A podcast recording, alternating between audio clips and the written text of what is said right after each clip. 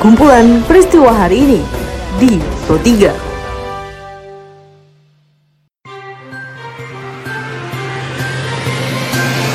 Halo pendengar, selamat berjumpa kembali di podcast Pro 3 RRI dengan kumpulan peristiwa yang terjadi pada hari ini. Seperti biasa pendengar pada podcast ini, saya akan mengulas isu-isu aktual yang masih hangat juga ramai diperbincangkan di sekitar kita. Tentu saja nanti akan saya hadirkan cuplikan informasi dari reporter kami.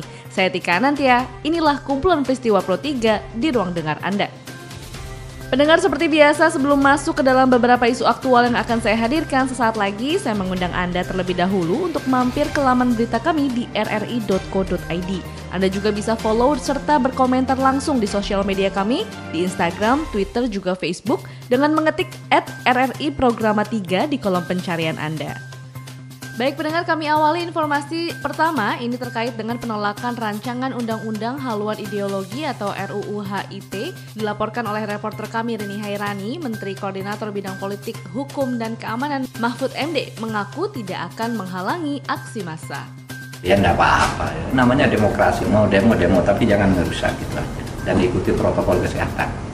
Eh, kalau uh, tujuannya hanya mau membentuk organisasi dan organisasi itu sekarang sudah ada gitu. Kita bisa bicarakan dan pemerintah juga kan sudah punya organisasi itu. Ada atau tidak ada undang-undang kan sudah ada Pendengar pekerja migran Indonesia, Enti binti Toyib ini terbebas dari hukuman pancung di Arab Saudi setelah menjadi terdakwa pembunuhan majikannya sendiri di Arab Saudi bernama Faisal Al-Gamdi pada tahun 2001 lalu.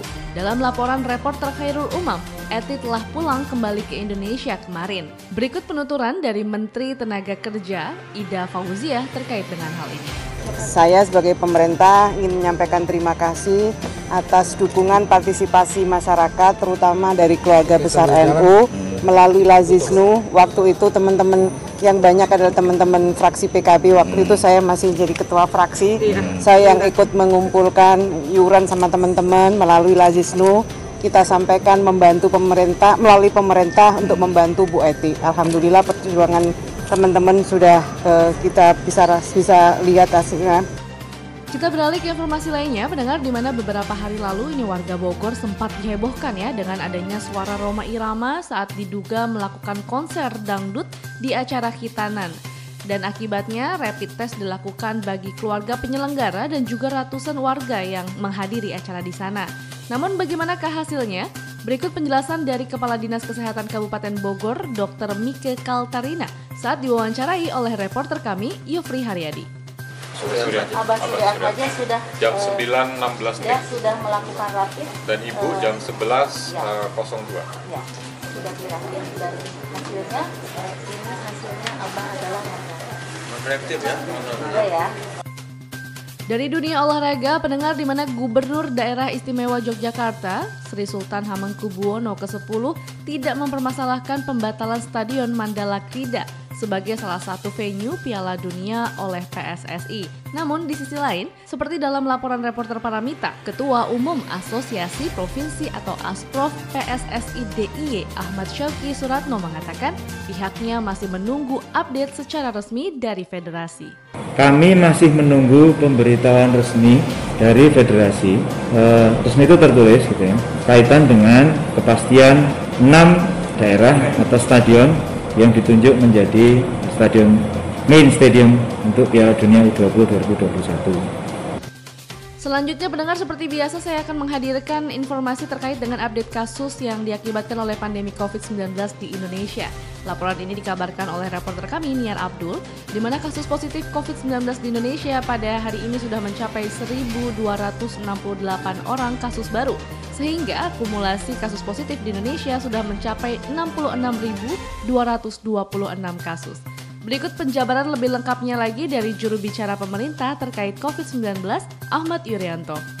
Dari pemeriksaan hari ini kita dapatkan penambahan kasus terkonfirmasi COVID-19 sebanyak 1.268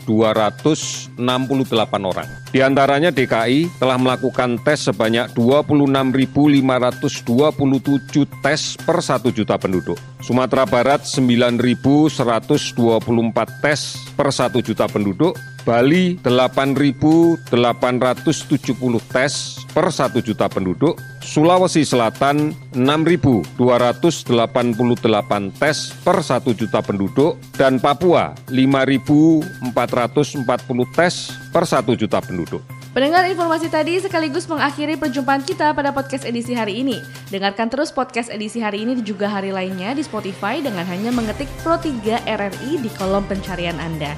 Baiklah pendengar, tetaplah menjaga jarak, ikuti protokol kesehatan dengan baik, dan teruslah mengikuti berita terupdate di Pro 3 RRI.